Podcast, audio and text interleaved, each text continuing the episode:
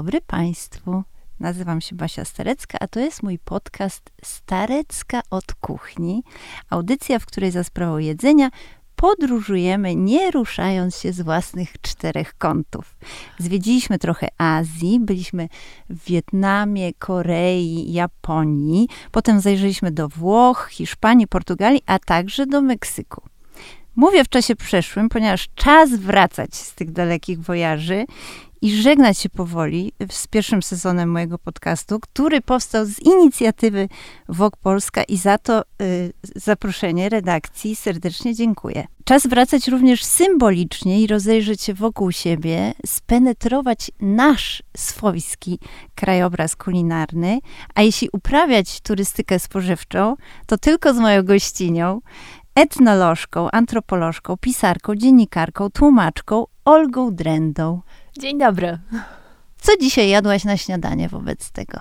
No, myślę, że już wiesz dobrze, co jadłam na śniadanie, bo zdążyłam ci się pochwalić. E, I było to śniadanie e, specjalne, bo było to śniadanie tematyczne e, pod kątem naszej rozmowy. E, I były to tosty, które mogę nazwać e, chyba zgodnie z duchem epoki tostami hawajskimi. czyli z serem, ananasem z puszki e, i tutaj, uwaga, e, przyprawą do kebaba. Skąd ten eklektyzm, moja droga? Bo ja widzę tutaj e, poważne wpływy lat 80., no bo ten chleb z masłem, powiedzmy, to jest taki, no właściwie ponadczasowy klasyk, babciny przysmak. To jest taka rzecz, którą łatwo było skroić nożem i dać zapchać głód wnuczka czy wnuczki. Natomiast już sam ananas, i, i przyprawa gyros kojarzy się z rozdaniem lat 90. właśnie. O tak, zdecydowanie. I jeszcze myślę, że y, tutaj y, ten ananas na potrawach wytrawnych to jest taki element kontrowersyjny, no bo wiadomo, że pizza z ananasem to jest taki antybohater internetu. I myślę, że może, e, może trochę ja chciałam się przeprosić e, z tym e, niedocenionym elementem naszej kuchni. Jakoś przyszło mi do głowy pewnego dnia, że ojej, dawno nie jadłam tosta z ananasem, a zdaje się, że widziałam, że odkryli je też na nowo w Palomie na Poznańskiej. Tyle, że jeszcze ich tam nie jadłam, tylko widziałam je w karcie. Ach, to ja jadłam tosta hawajskiego. Mówimy, drodzy Państwo, o miejscu, które znajduje się w centrum Warszawy. Paloma, y, niezwykła dziupelka w kolorze zielonym, w takim dosyć odjazdowym wystroju, y, kosmicznym bym powiedziała, trochę mi przypominającym czasy y, kreskówek komiksów Hanna Barbery i Jetsonów. Tak, tak, tak. To jest faktycznie taka kosmiczna kapsuła, bardzo fotogeniczne, piękne miejsce, ale mają też smaczne przekąski. No właśnie, i tam jest ten wspomniany tost hawajski. Miałam przyjemność, tam jest więcej zdecydowanie syra niż ananasa, bo to jest jakieś takie bardzo kacowe danie, bym powiedziała powiedziała, takie bogate, treściwe mm. i eksplodujące tłuszczem, no, aczkolwiek bardzo smaczne oczywiście. Pytam cię o, ten, o to śniadanie i o ten wyjątkowy specjał, bo wydaje się być on typowym dla ciebie specjalem duchologicznym, że tak sięgnę po termin, którego używasz, yy, dużo używasz w pierwszej swojej książce, Duchologia Polska, Rzeczy i ludzie w latach transformacji. Czym jest duchologia i czy ja dobrze konotuję właśnie ten tost z tym okresem? O, zdecydowanie tak, tak. Konotacje są jak najbardziej właściwe. Myślę, że e, w ogóle owoce z puszki z ananasem na czele to zdecydowanie jest przysmak z epoki który lądował i w deserach, i w daniach obiadowych. E, takich popisowych. E, jeżeli chodzi o duchologię, no to e, i książka, i strona wiążą się z, chyba najprościej to określić jako duchem czasów, myślę, z takimi dość niewyraźnymi, ulotnymi pozostałościami okresu transformacji. Myślę, że tutaj no, mogłabym długo, długo opowiadać o tym, E, jak e, to są koncepcje filozoficzne przyswojone potem e, przez krytykę kultury i pisanie o kulturze popularnej. Ja w ten sposób się z tą koncepcją zapoznałam i postanowiłam ją przenieść na polski grunt i tak sobie prowadzę tą moją stronę no już ponad 10 lat. Książka ma lat już 8, ale to samo hasło duchologia czy duchologiczne, ono zaczęło żyć trochę własnym życiem i myślę, że zaczęło oznaczać e, klimat tych bardzo dziwnych czasów jednak, bardzo dziwnych czasów przełomu, kiedy no, nasza codzienność była dość e, nieprzewidywalna, także czasami no, trudno uwierzyć, że w taki sposób żyliśmy jeszcze niedawno. No to jest też czas, którego ananas może być symbolem. Mhm. Dla mnie jest to owoc jakiś taki rzeczywiście symbolizujący ten czas transformacji, tą odjechaną, plastikową, tandetną dosyć e, dekadę. Symbol luksusu, coś, co do tej pory było ukryte za witryną e, luksusowych sklepów typu Pewex czy Baltona, czyli tak. reglamentowane, jednak niedostępne wszystkim ze względu na koszty i zasobność portfela. I tak się zastanawiam właśnie, jak sobie ten ananas radzi, oprócz tego, że się zahibernował w twoim toście, to czy możemy go y, oglądać w ogóle we współczesności? Czy on przetrwał? Jak, w jakiej on jest kondycji teraz? No, w, tak jak wspominałam wcześniej, ten y, ananas y, stał się trochę kontrowersyjny, bo myślę, że oczywiście zdrowie jest zjeść ananasa świeżego. Ja obiektywnie też uważam, że świeży faktycznie jest, jest smaczniejszy, jest tak przyjemnie kwaśny, ale myślę, że y, jest taka też, też e, e, przyjemny dotyk sztuczności w tych owocach e, z, z puszki. Myślę, że do owoców kandyzowanych, takich farbowanych na zielono, do tego etapu jeszcze nie, nie doszłam. To też jest taki przysmak lat 90., takie wpychane do ciasta o bardzo długiej dacie ważności, takiego, które można było kupić na, na targu. No myślę, że ten początek lat 90. to jest też okres spożywczo bardzo ciekawy, dlatego, że pojawiło się bardzo, bardzo dużo towarów, czasami czasami efemerycznie, czasami tylko na chwilkę. Myślę, że zaraz też pogadamy o najdziwniejszych rzeczach, e, które wtedy zupełnym przypadkiem e, zdarzało mi się jeść i które na przykład już nigdy potem do Polski nie powróciły. No, ale myślę, że też y, to jest taki słodko-gorzki okres, no bo oczywiście pojawiło się bardzo wiele luksusowych przysmaków, y, czy takich, które jakoś tam szły w parze z naszym wyobrażeniem. Y, o luksusie, które były kolorowe, które były importowane, no ale to nie znaczy, że każdy mógł je jeść i myślę, że zobaczenie ich w jakiejś kolorowej, taniej gazetce to myślę, że dla wielu był jedyny kontakt z nimi, czy, czy na wystawie sklepowej, no bo jednak to były też czasy no, w, i, i luksusu, i e, bardzo ciężkiej biedy. Hmm.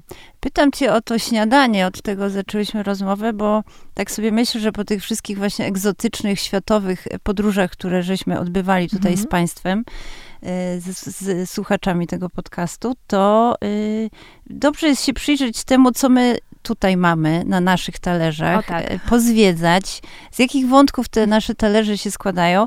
I zastanawiam się, czy dla ciebie właśnie ten tost, yy, mówisz, że to trochę jest takie śniadanie w ramach eksperymentu i sprawdzenia jakiejś rewizji, ale y, czy to jest dla ciebie comfort food? Bo muszę ci powiedzieć, że ja jak wracam właśnie z takich wojaży jakichś odległych, zwłaszcza kiedy długo mnie nie było w domu, zaczynam się cknić mm -hmm. za polską kuchnią, ale za jej specyficznym okresem, powiedziałabym tak bardzo z grubsza, za takim okresem babcinym. Trochę to jest taka kuchnia bez czasu, mam wrażenie, no bo to jest właśnie chleb z masłem na przykład.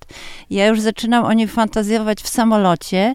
Myślę o chlebie z masłem wtedy i o krupniczku. O, no zazwyczaj pewnie jeszcze jak pojedziemy w jakiś bezchlebowy rejon świata, no to wtedy Typu myślę, Azja że właśnie. tak, to wtedy chyba to marzenie o chlebie jakoś w, w nas wtedy rośnie. To, to wiem, że e, w, tutaj, e, że na przykład e, mm, ludzie podróżujący na Wyspy Brytyjskie, czy emigranci właśnie też uprawiają kult polskiego chleba i mają mapy najlepszych polskich piekarni.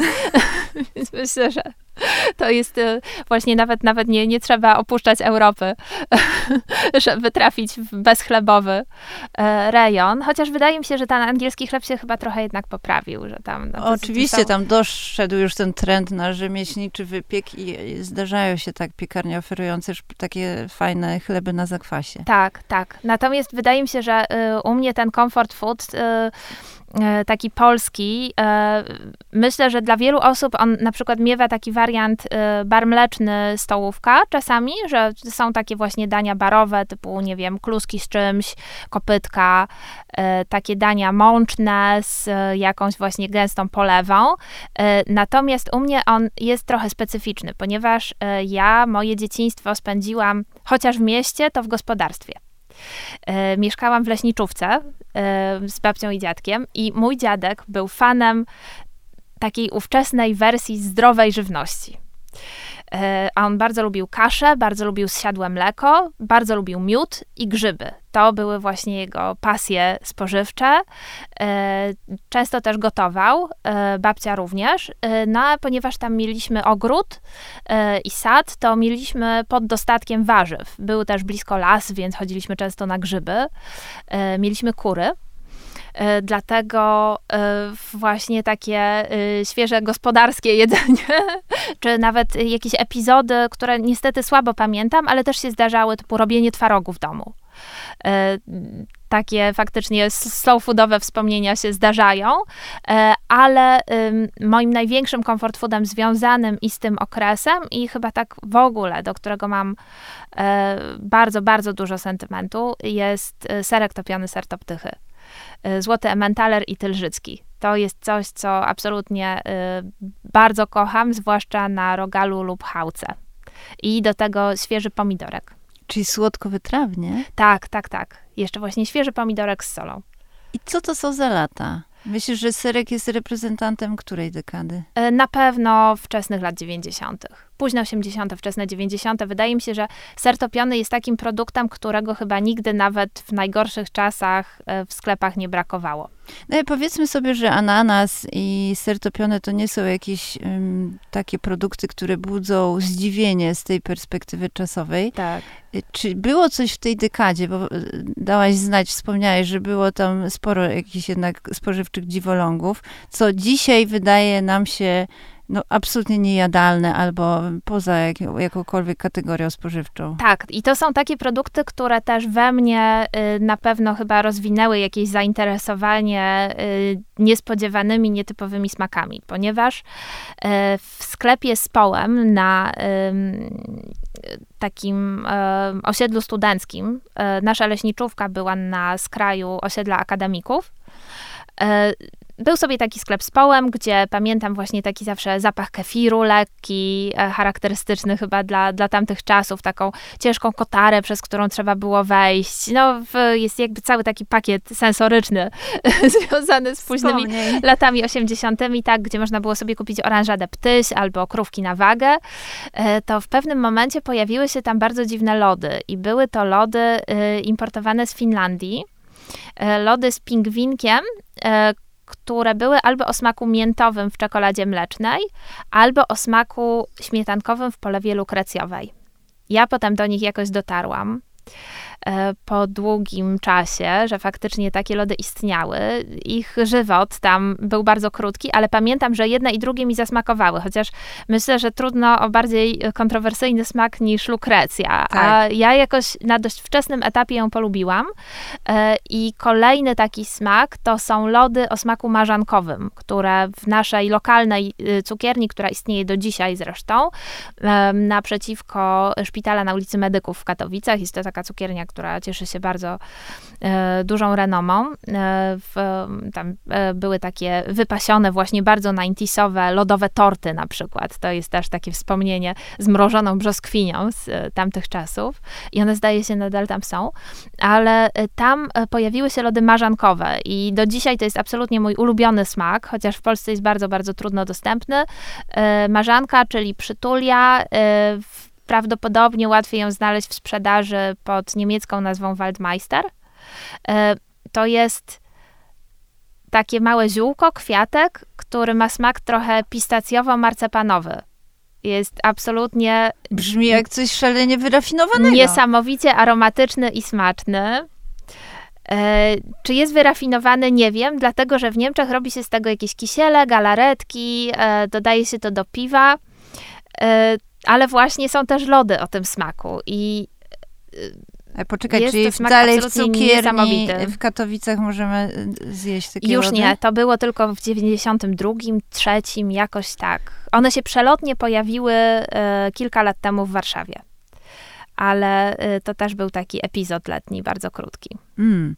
No ale w przypadku tych produktów to pewnie linia produkcyjna albo dystrybucja, albo import-eksport y, zawiódł i jakby nie przetrwały one do dzisiejszych czasów. Tak, tak, to jakoś nie chwyciło, ale ja je dobrze zapamiętałam i potem pamiętam, że prowadziłam jakieś długie, długie poszukiwania, e, jak, jak do tych przysmaków dotrzeć. Więc no, zdarzało się tak, że, że po prostu w tym dziwnym czasie y, chyba też y, różni importerzy testowali, co może się sprzedać e, i e, sprowadzali najprzeróżniejsze rzeczy.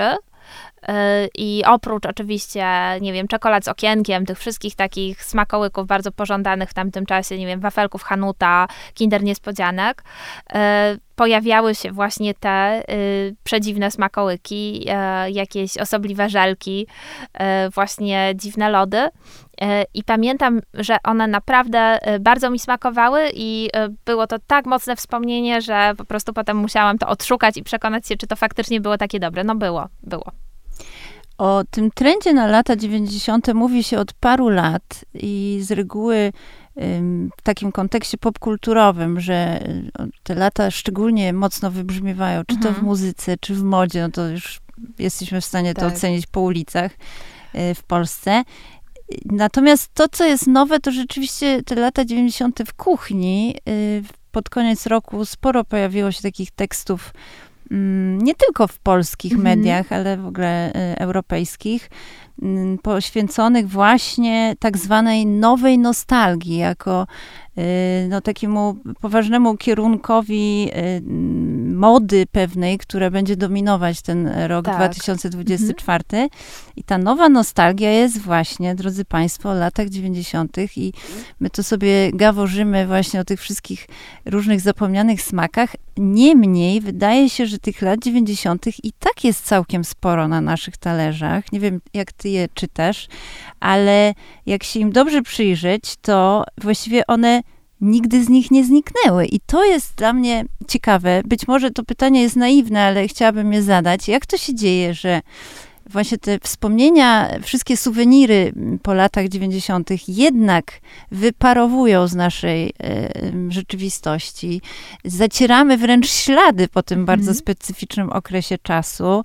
Znika, e, znikają one na pewno z architektury, z jakiejś takiej tkanki miejskiej, jakieś pamiątki, kioski, fast foody i tak dalej. A tymczasem w kuchni y, jest tak, że one nie pojawiają się, znikają. One cały czas tam są. Tak, tak. Wydaje mi się, że w latach 90. pojawiły się też takie nowe zwyczaje polskie, które zostały z nami do dzisiaj, na przykład grillowanie. To wiem, że jest to na pewno zwyczaj z lat 90.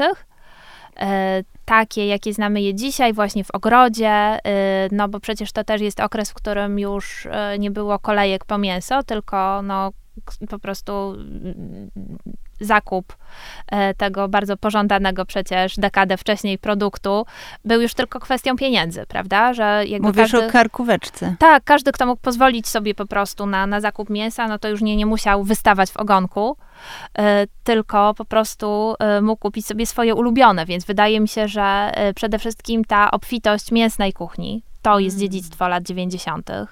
Na pewno. Na pewno fast foody, e, na pewno e, nowe importowane kuchnie, czyli e, kebab, czyli kuchnia wietnamska, czy taka no, spolszczona, sp- spolszczona kuchnia azjatycka.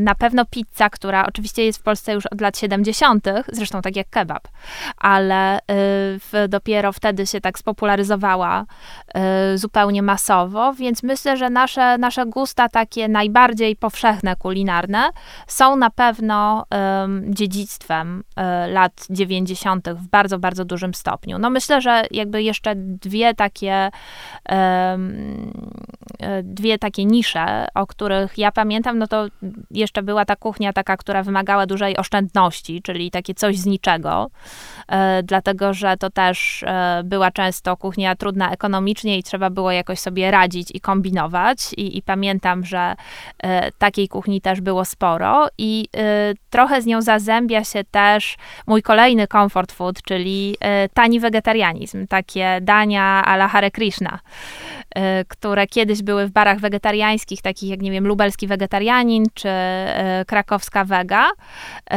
które opierały się często na strączkach, takich właśnie kotlety gęstych sojowe. sosach, tak, kotlety sojowe, kotlety z kaszy, kotlety z fasoli, naleśniki ze szpinakiem i to wszystko po prostu bardzo mocno posypane w mieszanką przypraw orientalnych, jakieś dania typu kasza manna z marchewką, e, takie no, e, cudawianki, które mm, łączyło to, że były to dania bardzo, bardzo tanie, bo wegetarianizm wtedy był szalenie tani i dlatego myślę, że dwie grupy, które przede wszystkim się decydowały na to, żeby gotować jarsko, to byli studenci i emeryci. Pamiętam, że właśnie w tych barach, e, barach wege, gdzie tam można było zjeść sobie bardzo tanią zupę na przykład i pożywną, e, spotykali się właśnie emeryci z pankami, więc to jest taki krajobraz e, e społeczno-żywieniowy, który też sobie zapamiętałam. Dla mnie to jest ogromny comfort food. W, w, na przykład jak jestem w Krakowie, to zawsze się staram zjeść w Momo. Co to jest wtedy? E, ojejku, no oni, e, jakby bar sałatkowy nie zmienił się od 2003. Naprawdę. Oni mają cały czas e, tam te same dania. Mają właśnie e, buraki w wegańskim jogurcie. Mają takie e, makaron ryżowy z fistaszkami. E, mają jakiś makaron z cukinią, e, naleśniki z czterema wersjami nadzienia, e, indyjskie zupki, więc jakby tam tylko danie dnia się zmienia, ale baza jest na pewno co najmniej 20 lat ta sama, więc jakby to jest comfort food ostateczny, bo jeżeli mm. ktoś lubi stałość, to tutaj tak. ta stałość w menu jest zupełnie taka żelazna. Właśnie o, o, tych latach 90. my nie myślimy z jakimś dużym szacunkiem, tak sobie mhm. myślę, że one jednak funkcjonują jak, jako taki właśnie czas y, w naszej kulturze rzacu i tandety, tak. plastiku i umówmy się też zachwytu właśnie y, nad podobnym produktem spożywczym, który był z torebki, obfitował chemię, tak. którą myśmy się wtedy zachwycali, nie, podejrzewam, nie mając świadomości, że jednak ona ma negatywny wpływ na nasze zdrowie. Myśmy jej nie znali do tej pory w kuchni, więc nas zachwycała. Wszystkie te gotowe sosy ze słoiczków, świecące jakieś różne odblaskowe potrawy. I to jest zastanawiające, że jednak w tym samym czasie dzieją się na tyle formatujące rzeczy, te symboliczne otwieranie się na świat, którego byliśmy bardzo mhm. głodni i, i, chcieliśmy zjeść wszystko to, co do tej pory było niedostępne, że dalej to tak mocno funkcjonuje. Tak, tak. To jest ciekawe, że jakby też zalążki y, tego otwierania się, one nastąpiły w latach 70. To jest bardzo ciekawe, jak się czyta stare magazyny. Okazuje się, że pizza, tortellini, właśnie kuchnia włoska, y, ale też kuchnia azjatycka, one zaczęły się pojawiać właśnie w prasie popularnej w latach 70., w tym okresie e, względnego dobrobytu. No tyle tylko, że potem właśnie nastąpiła ta kryzysowa dekada lat 80. i myślę, że po prostu apetyty zostały rozbudzone, więc w latach 90. one po prostu już z takim rozmachem zupełnie. Um, Byliśmy gotowi tak, to zjeść. Tak, tak, tak, tak. I byliśmy gotowi chyba wszystko zjeść po prostu. A czy możemy mówić w tym kontekście o regionalizacji tej kuchni lat 90., czy ona jakoś w zależności od tego, czy mówimy o większych, większych czy mniejszych aglomeracjach ludzkich mhm. w Polsce, y, to inaczej ta turystyka spożywcza y, by wyglądała, gdybyśmy teraz ruszyły ze studia właśnie trasą? E Myślę, że mogę powiedzieć na pewno o paru takich miejscach i najczęściej to jest regionalizacja fast foodowa. Mm. To znaczy, y, Warszawa oczywiście, wydaje mi się, że poza Warszawą kuchni wietnamskiej nie było specjalnie. Pamiętam, że moje pierwsze tofu y, zjadłam na początku lat 2000 kiedy przyjechałam e, z wizytą do Warszawy, z indeksem, żeby zdobyć podpis. E, ale na przykład wiem, że różne lokalne miejscowości e, miały taki swój przysmak, który ktoś zapoczątkował, jakiś pomysłowy kucharz e, czy właściciel baru e, zapoczątkował e, w latach 90. i on trwa do dziś. Czyli na przykład w Szczecinie to jest Frytburger, albo w Gorzowie to jest taka buła z pieczarkami. Do, do tej No budki tak, są ogromne słynna. kolejki. Bardzo, bardzo ją lubię zresztą. We Wrocławiu to jest knysza, czyli takie moje dramatyczne wspomnienie. Bardzo mi nie smakowała. A to odkodujmy jeszcze ten pierwszy specjał. e, tak, no to jest taki... E, Frytko burger? tak, tak, tak. No to, to jest burger z frytkami w środku. A, Szczeciński. Czyli taki szczeciński gyros właśnie. Trochę tak, trochę tak. Tam właśnie wiem, że y, dużo fast foodów się pojawiało właśnie w Szczecinie we wczesnych latach 90. Em, tak, wspomniałam o Knyszy Wrocławskiej, y, która no, budzi we mnie jednak głównie jakieś nieprzyjemne A, to, wspomnienia. a mi z kolei kojarzy się z kuchnią żydowską. Y, tylko, że wydaje mi się, że ta y, 90sowa knysza była troszeczkę inna. To znaczy, że y, nazwa została pożyczona z kuchni żydowskiej, a y, w rzeczywistości to była po prostu taka pita z warzywami i z majonezem. Nieudana, jak rozumiem. No, taka, pamiętam, pamiętam, że bardzo mnie bolał po niej brzuch, także niestety no, źle, źle trafiłam. Ale tak, faktycznie, ta oryginalna knysza Tak. to był taki pieróg. tak. Tak, Pieczony no właśnie, tak. przede wszystkim. A wrocławska, no to mm, był taki fast food z budki. I jeszcze e, w Ostrowcu Świętokrzyskim do dzisiaj można kupić pizzę z kapustą Mm. kiszoną. Mm. Czyli trochę zdrowo. Tak, tak, tak. Ja się na nią nie załapałam, bo akurat w Ostrowcu Świętokrzyskim byłam w Sylwestra i e, marzyłam o tej pizzy, ale oczywiście pizzerie zamykały się troszeczkę wcześniej i już Wygląda No, nie jak, tym- nie tym brzmi, razem. brzmi jak pizza na dzień po Sylwestra. trochę tak, trochę tak. Ja bym ją chętnie zjadła. Przyznaję, Ja że właśnie muszę, muszę tam wrócić. Zresztą to jest, to jest bardzo ładne miasto. Jak ktoś nas słucha z tych okolic, to prosimy o sygnał, jak ta pizza się miewa i czy Mhm. można rzeczywiście do niej pielgrzymkować. Tak, koniecznie, koniecznie. Zresztą właśnie te, myślę, że też te stare puchate pizze, one zaczęły się w latach 70., ale wiem, że y, to było takie danie, y, że jak się odwiedzało znajomych w latach 90., to mama albo babcia piekła tą pizzę na cieście drożdżowym. Tak, i to była ta też pizza z Prodiża słynna, która Tak. pojawiła się jako pierwsza Tak. i funkcjonuje w wspomnieniach właśnie osób urodzonych w latach 70. czy 80. jako jakaś taka namiastka właśnie tego wielkiego świata, który się przedostawał z jakimś przekazem medialnym, czy to w jakimś serialu, czy w filmie amerykańskim. Gdzieś ta pizza się pojawiała w kadrach, a myśmy jedli jakiś substytut właśnie taki wybujały na drożdżach. Dla mnie takim e, dziwnym e, zderzeniem w ogóle, takim, e, nie wiem, konfrontacją z rzeczywistością było poznanie masła orzechowego, bo oczywiście we wszystkich filmach i kreskówkach masło orzechowe to był największy przysmak. E, I ja wyobrażałam sobie, że to jest coś takiego jak Nutella albo jugosłowiański krem z wiewiórką i że po prostu jest słodki i że jest z Krem orzechów z wiewiórką. Przepraszam, ja nie mogę powstrzymać swojej ekscytacji. Nie słyszałam o nim chyba od tamtego momentu. Czy on jeszcze jest produkowany? Czy to E, Wydaje mi się, umarło? że on, e, on jest w krajach byłej Jugosławii i nazywa się Eurokrem. E, I jest e, taką nutellą, tylko dużo bardziej słodką. Także faktycznie e, w, tam jest, jest dużo, dużo nostalgicznych dań. Właśnie byłam w Chorwacji i w Bośni w tego lata i faktycznie widziałam, że to ten taki przemysł nostalgiczno-przysmakowy jest tam dość potężny. Zresztą, Mm. no tak, ciasteczka plazma są faktycznie super smaczne. Mm. Ale em, tak, no to właśnie y, wyobrażałam sobie, że masło orzechowe to jest taki krem z wiewiórką, tylko do kwadratu, że jest po prostu jeszcze lepszy, a potem oczywiście jadłam to i okazywało się, że to, to w ogóle nie jest słodkie. O co chodzi po prostu? Jak ktoś to może jeść? Pamiętam, że masło orzechowe to był taki smak, do którego ja musiałam chyba dorosnąć. Dysonans poznawczy Tak, miałeś. tak, to był straszny dysonans. To, co powiedziałaś, to rzeczywiście brzmi jak poważny argument za tymi latami 90.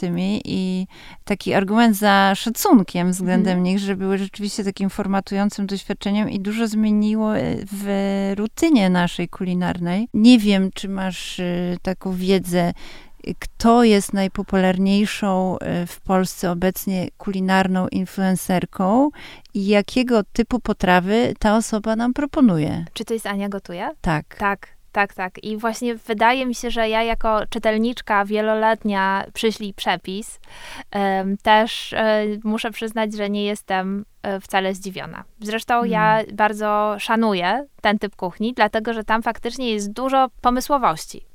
Jest dużo takiego popisu, y, że gospodyni albo gospodarz domu y, chce się pochwalić y, jakimś swoim wynalazkiem.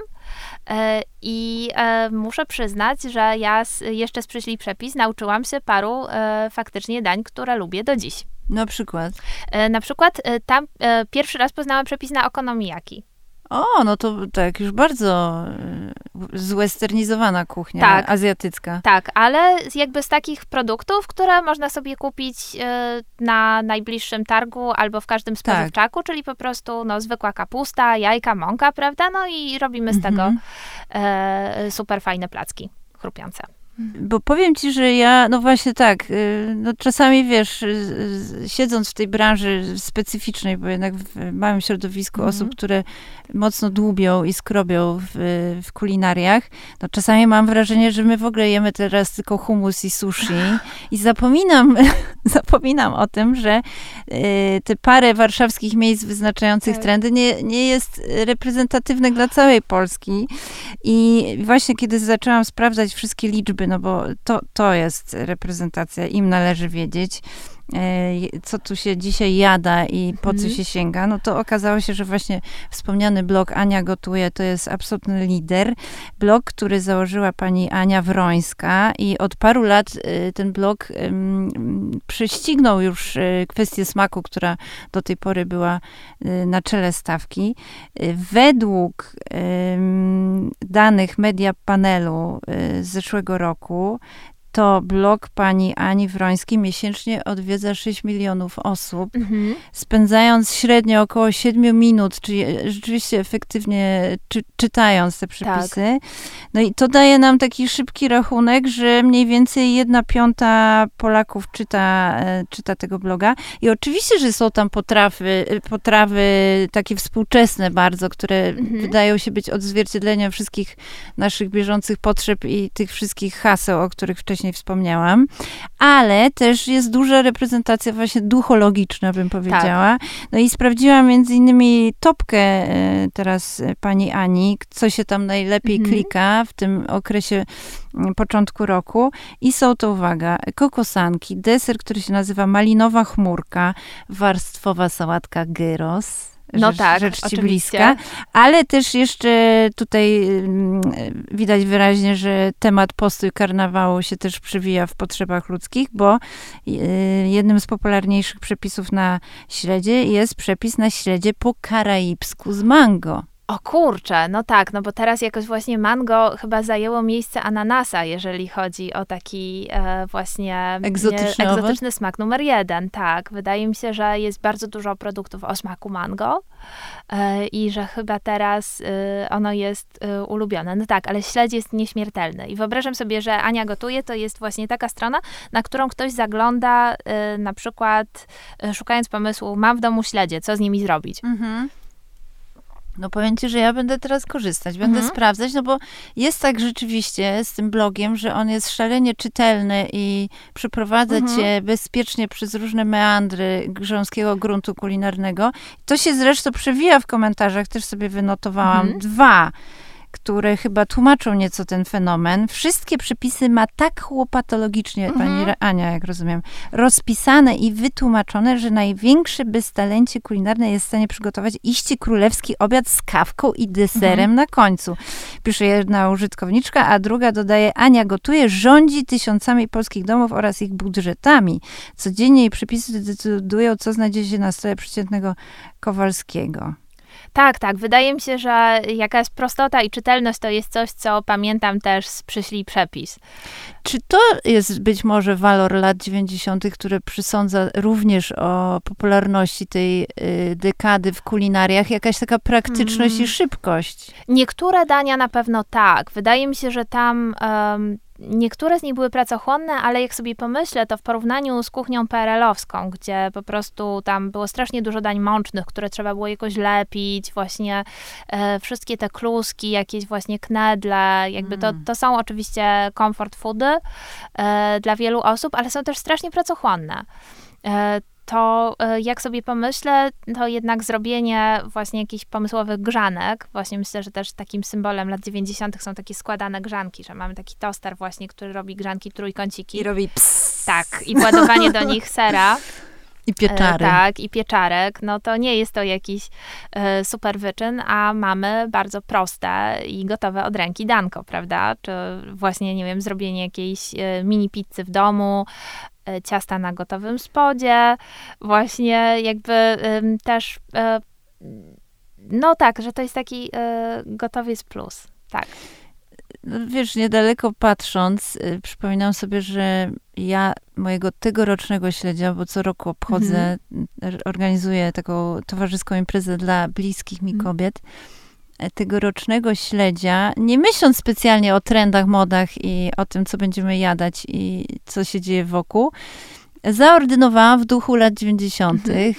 Każda z dziewczyn przyniosła swoją wersję śledzika. Pojawiały się lata 80. jednak, myślę, bo był e, między innymi śledź e, zawinięty niemalże w taką artystyczną rozetę, o. E, udekorowany konserwowym groszkiem w stylu trochę śledzika po japońsku, mhm. rzeczy, która o, tak. kojarzy nam się to jednak jest... z PRL-em. Tak, zdecydowanie. Ale dziewczęta przygotowały też koreczki. Był tam ser Gouda nabity z, z jakimś mikrokorniszonkiem.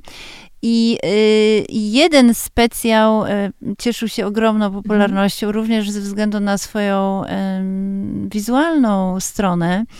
Y, okazał się być też hitem social mm. mediów, bo żeśmy publikowały później szeroko y, materiał z tego spotkania i on wzbudzał najwięcej emocji i były to, moja droga, mini pingwinki zrobione z malutkich kuleczek mozzarelli, z powitych czarnym płaszczykiem oliwki czarnej Ojejku. właśnie. Miały zrobione dzióbki i mm, oczka z marchewki i były takimi rzeczywiście wiernymi kopiami e, małego pingwina, o, ale tak. jadalnymi.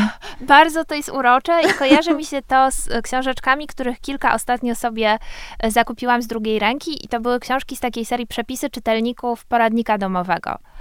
E, gdzie tam e, kompilowano właśnie e, przepisy takie popisowe, z, zorganizowane według tematu, czyli na przykład, nie wiem, przyjęcie dla dzieci, albo dania wiosenne, albo wszystko z jaj. I wszystko to było opatrzone bardzo ładnymi fotografiami, no i faktycznie były tam dania tego typu, że pingwinki właśnie, muchomorki z pomidora i majonezu, albo moja ulubiona serowa szachownica, żeby dzieci mogły coś sobie przekąsić w przelocie. I była to faktycznie szachownica ułożona z kawałków sera w różnym kolorze. Czy to był ten ser w plastrach ofoliowanych? E, nie, taki grubszy to musiał być. Chociaż ser w plastrach ofoliowanych to jest chyba moje pierwsze wspomnienie jedzenia transformacyjnego. To znaczy pierwsze takie dobro z importu, e, które prawdopodobnie e, wpadło w moje ręce. Ja kojarzę tą szachownicę, bo obserwuję profil mhm. duchologiczny na Facebooku i tam na duchologii rzeczywiście zdjęcie tej jakże efektownej szachownicy e, się zmaterializowało, wzbudziło też gorącą dyskusję z tego, co pamiętam. Tak, tak, tak, tak, właśnie. Bo jakby mm, myślę, że y, Osoby, które odwiedzają moją stronę, wiedzą, że ja bardzo lubię sery i że pojawia się tam bardzo dużo żartów na temat sera. E, czy to, że na przykład e, fotografuję takie e, klamki z żywicy poliestrowej, które wyglądają jak ser. Niektórzy twierdzą, że to jest, o właśnie, tak, tu pierścionek również taki serowy. Niektórzy twierdzą, że to jest tak zwany ser Reagan y, z, z, czasów stanu wojennego, który był przysyłany w paczkach charytatywnych i że on zamienił się w te klamki przy stolarce aluminiowej. Tak, tak, tak, że to jest taki ser, który przetrwa e, wszystko. Także e, faktycznie na mojej stronie pojawia się dość dużo żartów z sera. Ja tam wrzucam czasami co dziwniejsze przepisy ze starych książek kucharskich, które e, udaje mi się znaleźć, że nie, niektóre, niektóre są fajne, niektóre są bardzo osobliwe. Na przykład koktajl keczupowy pamiętam, że wzbudził bardzo, bardzo gorącą dyskusję. Hmm. Nie wiem, czy ktoś miał odwagę go potem zrobić. Brzmi jak e, bomba Likopenu. E, no, trochę tak, trochę tak, ale też coś może trochę kontrowersyjnego dla układu trawiennego. Tak, może być. E, myślę, że dosyć dobrze rozpracowałyśmy te lata 90., bo to, co mówisz, to jest tak, argument zdobyczy pewnej, e, jakiegoś rozwiązania nowego tak. w, w, w, naszej kuchni i że rzeczywiście coś pojawiła się jakaś nowa jakość, która z nami została, więc z takiego praktycznego i rytualnego względu one dalej funkcjonują, mhm. mają się dobrze. Ale też yy, i za tym chyba jakby tym należy tłumaczyć fenomen chociażby twojej strony yy, na Facebooku, to jakiś taki nasz y, duży sentyment i nostalgia, bo, bo dlaczego tak dużo jest tych komentarzy dotyczących szachownicy, że coś ta szachownica nam przypomina, przypomina być może właśnie to wszystko, co nam dzisiaj się mm, kojarzy z comfort foodem, czyli cała ta definicja jego, y, coś sentymentalnego, co jest powrotem do czasów beztroski, jakakolwiek ta rzeczywistość by wtedy nie była, to dla wielu z nas była ona okresem dzieciństwa. Tak, tak. I często też y, te dania, czy może częściej przekąski, um, dlatego że chyba ja zwykle tam jakieś przekąski wrzucam, one są często y, jakoś nieproporcjonalnie wymyślne. I myślę, że to też y, budzi duże zainteresowanie. Właśnie to, że jakby jest tam taki element silny y, zabawy jedzeniem, jakiejś takiej, y, takiego komponowania y, pomysłowych dań, właśnie jakichś, nie wiem, uśmiechniętych kanapek, y, czy właśnie koreczków pingwinków. No właśnie, sporo tam zabawy. A mhm. skoro jesteśmy przy zabawie i przy humorze, to musimy wspomnieć w trakcie tej rozmowy twoją najnowszą książkę. O, dziękuję. Której premiera miała miejsce całkiem niedawno. Tak, Słowo humoru. Tak. Słowo humoru, drodzy Państwo, to lektura, którą należy jak najszybciej nabyć i się z nią zapoznać, bo jest to rozległy esej poświęcony, właściwie takie studium śmieszkowania i poczucia humoru. Y, dlaczego się śmiejemy, co nas bawi. Tak. Jest rozłożone oczywiście w czasie. Jest też też cała rozprawa na temat tego, czy żarty się starzeją, które -hmm. się mhm. dobrze starzeją, które się źle starzeją, trochę jak z tym ananasem z puszki. Trochę tak, tak, albo co właśnie, co, co, co sprawia, że jakiś żart idzie na kwarantannę czy emeryturę, a potem śmiejemy się z niego ponownie.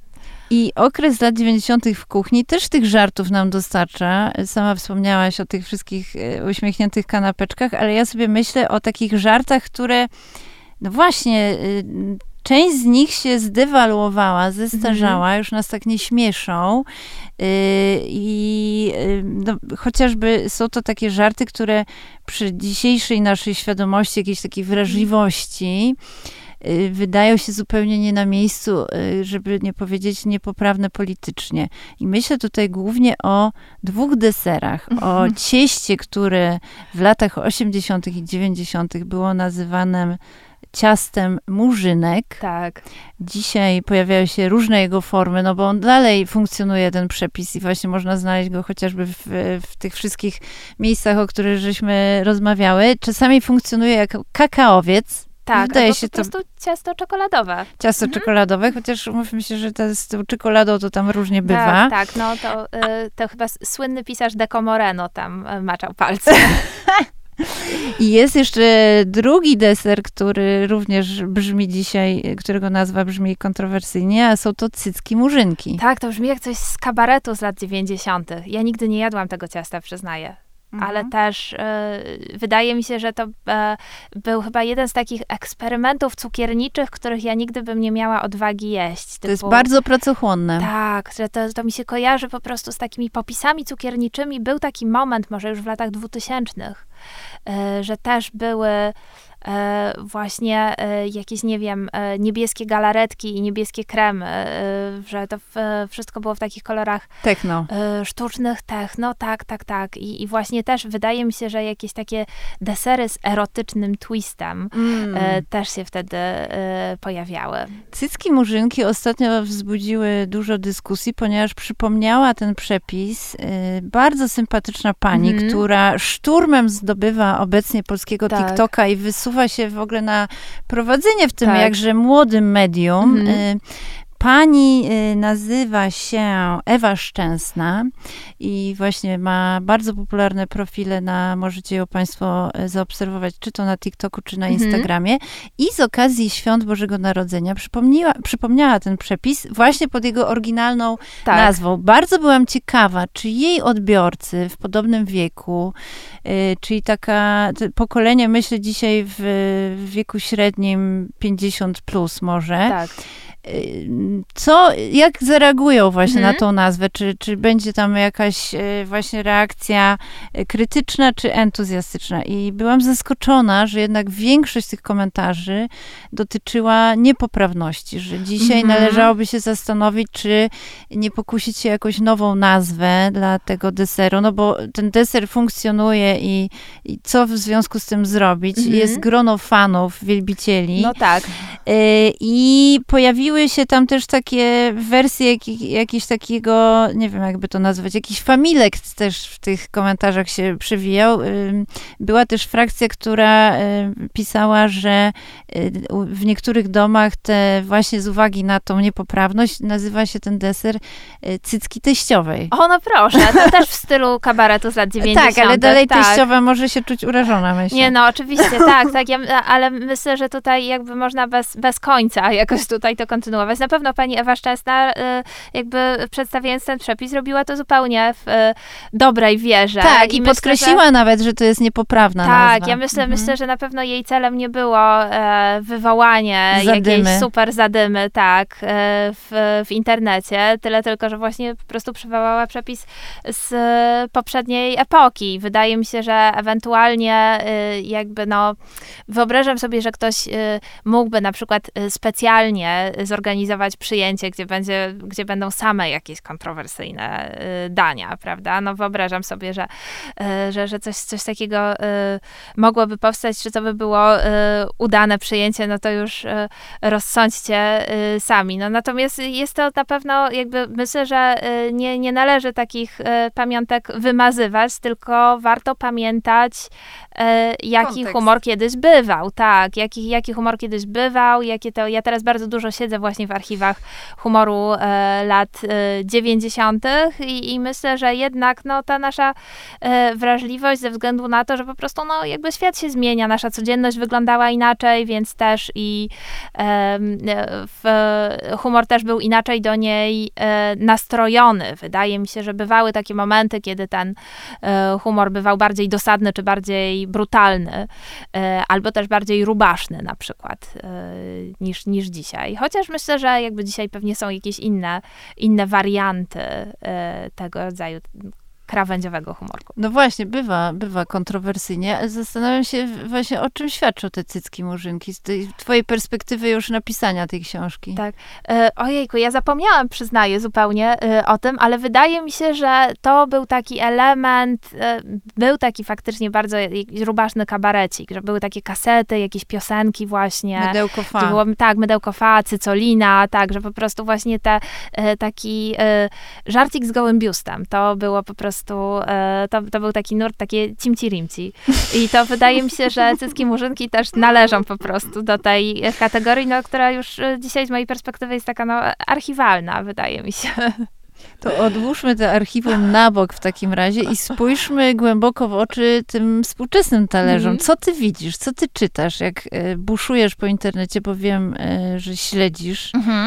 E, nawet deklarowałeś, że robisz jakiś omlet z mojego przepisu. Jak patrzę... Tak, ojejku, Omelette Deep Purple, bardzo dobry jest. Bardzo mi miło. To zastanawiam się, mm, jak, mm, co wiąże się, jaka refleksja wiąże się z twoją obecnością w internecie? Co ty Mhm. widzisz, co my jadamy i z czego to jest poskładane z twojej perspektywy? Ojejku, to jest na pewno bardzo, bardzo y, zróżnicowane. To jest, y, że, wydaje mi się, że mm, zależy od tego, w y, którą stronę spojrzymy, prawda? No na pewno są jakieś takie uniwersalne fenomeny, które są troszeczkę też chyba napędzane umiejętną kampanią marketingową typu burger drwala, że po prostu w pewnym momencie, ale to też trzeba naprawdę bardzo, bardzo się postarać, żeby taką udaną kampanię wyczarować, żeby sprawić, że wszyscy chcą coś jeść, prawda? Czy przez jakiś czas na przykład, nie wiem, eklerki były chyba takim, e, takim hitem hitem, czy jagodzianki, o właśnie, że ten powrót jagodzianek to było coś, co mnie trochę y, zaskoczyło, bo wydawało mi się, że jednak w ogóle drożdżuwa to jest y, takie, no, trochę danie z y, przeszłości i też szkolne że to jest po prostu coś, że drożdżowa to jest coś, co się nosi do szkoły. I e, ja jak, e, e, pamiętam, że trudno mi było sobie to wyobrazić, że ojejku, ja mam zjeść jagodziankę jako osoba dorosła, ale po prostu postanowiłam to przetestować. no i okej, okay, chociaż nie, nie jestem jakąś super drożdżówkarą, tak generalnie. Moja droga, to już nie są tam, tamte drożdżówki, to nie są już te nie, jagodzianki, tak. które pamiętamy z przeszłości. To prawda, to prawda, to prawda. Ja właśnie, e, okej, okay, wytrawne drożdżówki na przykład polubiłam, takie z grzybami. Mm. To, to jest, to jest coś, mhm. co... E, więc e, e, ciekawi mnie to, że tak, faktycznie dania, które kiedyś były super tanie, Teraz można dostać w luksusowej wersji, czyli właśnie drożdżówkę z jakimiś wypasionymi składnikami. Oczywiście temu też odpowiada cena, że to nie jest e, drożdżówka z kiosku e, za złoty 50, tylko za 15 zł. A nawet 30. E, tak, no właśnie. E, czy pączek, po prostu e, takie masowe piekarnictwo ma teraz swój wariant ekskluzywny. No i z, z, reguły to są rzeczy oczywiście smaczne, tyle tylko, że już no, nie należą do tego e, przyjemnie taniego comfort foodu. I to jest, to jest taki fenomen, który mnie dość, e, przyznaję, e, zaciekawił. Mm-hmm. Czy Taka to, że... rzemieślnicza, luksusowa wersja właśnie czegoś, co wydawałoby się być bardzo znane i co mm-hmm. pamiętamy, wiemy, co to jest. To tak, nie jest nowość. Tak, tak, przyznaję, że bardzo mi się też podoba y, moda na to, żeby y, wyczarować jakieś nowe, fajne smaki z kuchni polskiej. Y, I to jeszcze z takich naprawdę y, najbardziej bazowych składników typu ziemniaki, kapusta, grzybki właśnie, jakiś, nie wiem, seler, marchewka y, i żeby ugotować z tego coś ciekawego że to jest e, coś, co bardzo, bardzo do mnie e, przemawia, no bo to są takie faktycznie solidne, krzepiące dania, e, nie trzeba wydawać na nie fortuny, ani nie trzeba jakichś szczególnie skomplikowanych zakupów robić, to są po prostu składniki, które kupimy w swoim normalnym, lokalnym sklepie, ale po prostu przy odrobinie fantazji możemy, nie wiem, zamiast, zamiast smażyć, to pieczemy na przykład. I wystarczy jakiś drobny element y, żeby zrobić z tego coś, mm. coś fajnego. To mi się trochę kojarzy z tą kuchnią wegetariańską z lat 90., mm. gdzie y, no, trzeba było dużo wymyślać i kombinować. To też jest e, oznaka tego sentymentalizmu mm -hmm. i nostalgii właśnie w trendach, ale rzeczywiście z, pochodzące już z, ze wcześniejszych dekad, bo mówiłyśmy o tej nowej nostalgii lat 90., a to jest ewidentnie kuchnia babcina, tak. dla, która dla niektórych właśnie będzie tą kuchnią kuchnią babciną doskonale znaną, a na przykład dla Gen Zetów, dla tej młodszej generacji będzie jakimś zupełnie nowym przepisem, nowym tak, daniem. Tak, wydaje mi się, że to będzie jakaś po prostu, nie wiem, odkrycie jakiejś y, krainy Słowian magicznej, po prostu, którzy się żywią grzybami i igliwiem. Ale myślę, że to, to ma, swój, ma swój urok też. Tak, ja myślę, że dla osób właśnie, które urodziły się y, już po latach 90., mhm. dla których y, krajobraz kulinarny poskładany składane były już z tych wszystkich nabytków zagranicznych, mhm. y, dla których comfort foodem jest pizza, frytki, hamburger, tak. to powrót do y, pyzy, knedla ze śliwkami może być jakimś mm. dużym odkryciem właśnie. I to jest y, rzeczywiście bardzo ciekawy trend. Ja widzę, że ta babcina kuchnia do tej pory zarezerwowana właśnie dla kuchni babci, czyli mm. do takiej intymnej przestrzeni, ona wydostaje się poza właśnie tą kuchnię naszą domową i wręcz wkracza na salony do modnych bardzo restauracji i ta polska kluska, która do tej pory była no właśnie taka, do, no mhm. to co mówiłaś, szalenie pracochłonna, ale też niezbyt szanowana, no mhm. szefowie y, gwiazdkowi y, w Polsce nie sięgali po tego tak. typu produkty, wydaje mi się, że jest jakiś taki zwrot, że ta polska kluska ląduje teraz w jakimś takim ekskluzywnym towarzystwie trufli, czy jakichś mhm. włoskich produktów. No, myślę, że te y, gumiklejzy śląskie są bardzo takie chłonne, że można je serwować na y, wiele różnych sposobów. Mnie się też podoba trend y, takiego odkrycia, że kuchnia polska może być też bardzo zdrowa że niekoniecznie we wszystkim musi być taka ciężka zasmażka, że to nie, nie muszą być takie super ciężkostrawne y, sosiwa, tylko że można trochę jeść tak jak mój dziadek, czyli właśnie y, kasza, kefir, grzyby, jajko, czy właśnie grzanka z czosnkiem, zsiadłe mleko, miód, takie proste składniki, które są bardzo treściwe, a jednocześnie też ja mam wrażenie, że po prostu jedząc je pracuję na swoje zdrowie. No to piękne w ogóle te mhm. twoje wspomnienia z leśniczówki, to mam ochotę jeszcze o tym porozmawiać, może jeszcze będzie okazja, ale y, zerknęłabym jeszcze na mm, poza granice Polski, mhm. jakie wpływy innych y, kultur widzisz na naszych talerzach i o czym to świadczy? E, ojejku, ja myślę, że w tej chwili e, już e, w, mamy, jeżeli chodzi o fast food, no to chyba e, w, istnieje w ogóle jakiś tutaj wyścig pokoju, jeżeli chodzi o różne e, kuchnie lokalne, bo przecież jest kebab, są dania wietnamskie, jest pizza i w ogóle kuchnia włoska. Są teraz też dania na przykład gruzińskie, właśnie czabureki, wszystkie te takie dania też e, mm, takie wypiekowe z nadzieniem, że to jest, to jest e, jakaś nowość, która się pojawiła w, e, w ostatnich też latach. Też szalenie popularne te wszystkie tak. haczapuri i chinkali. Tak, tak, tak, że widzę, że, że to też i tajska jeszcze stanęła do wyścigu. I to widzę, że to są, to są dania, które też są proste do zrobienia, które można sobie odtworzyć w domu, więc myślę, że one jakoś też wpływają Y, mocno na nasze y, codzienne gusta. Ja podejrzewam, że pewnie właśnie takie danie pierwszego wyboru, jak się jest głodnym na mieście, to jednak będzie kebab. Mm, tak, i to widać w badaniach. To też mhm. miałam przyjemność opiniować właśnie wyniki y, raportu przygotowanego przez pyszne.pl. Mhm. I zdecydowanie kebab mhm. jest tym pierwszym wyborem dla całej Polski. Tak, trudno z nim konkurować, to jest prawda. Mm. że jest, jest absolutnym e, zwycięzcą. Ja myślę, że tu Państwu dostarczyliśmy wielu pomysłów na mhm. spędzenie odrobiny czasu w naszym polskim krajobrazie tak. kulinarnym. Sporo tutaj tropów y, zostawiam y, z Twoją pomocą. Bardzo Ci za tą rozmowę dziękuję, moja droga. Dziękuję Ci za zaproszenie. Mam nadzieję na kontynuację i Państwu serdecznie dziękuję za te wszystkie dalekie podróże i, i za spotkanie się y, na sam koniec teraz tutaj na naszej szerokości geograficznej geograficznej. Miejmy nadzieję, do usłyszenia. Do usłyszenia.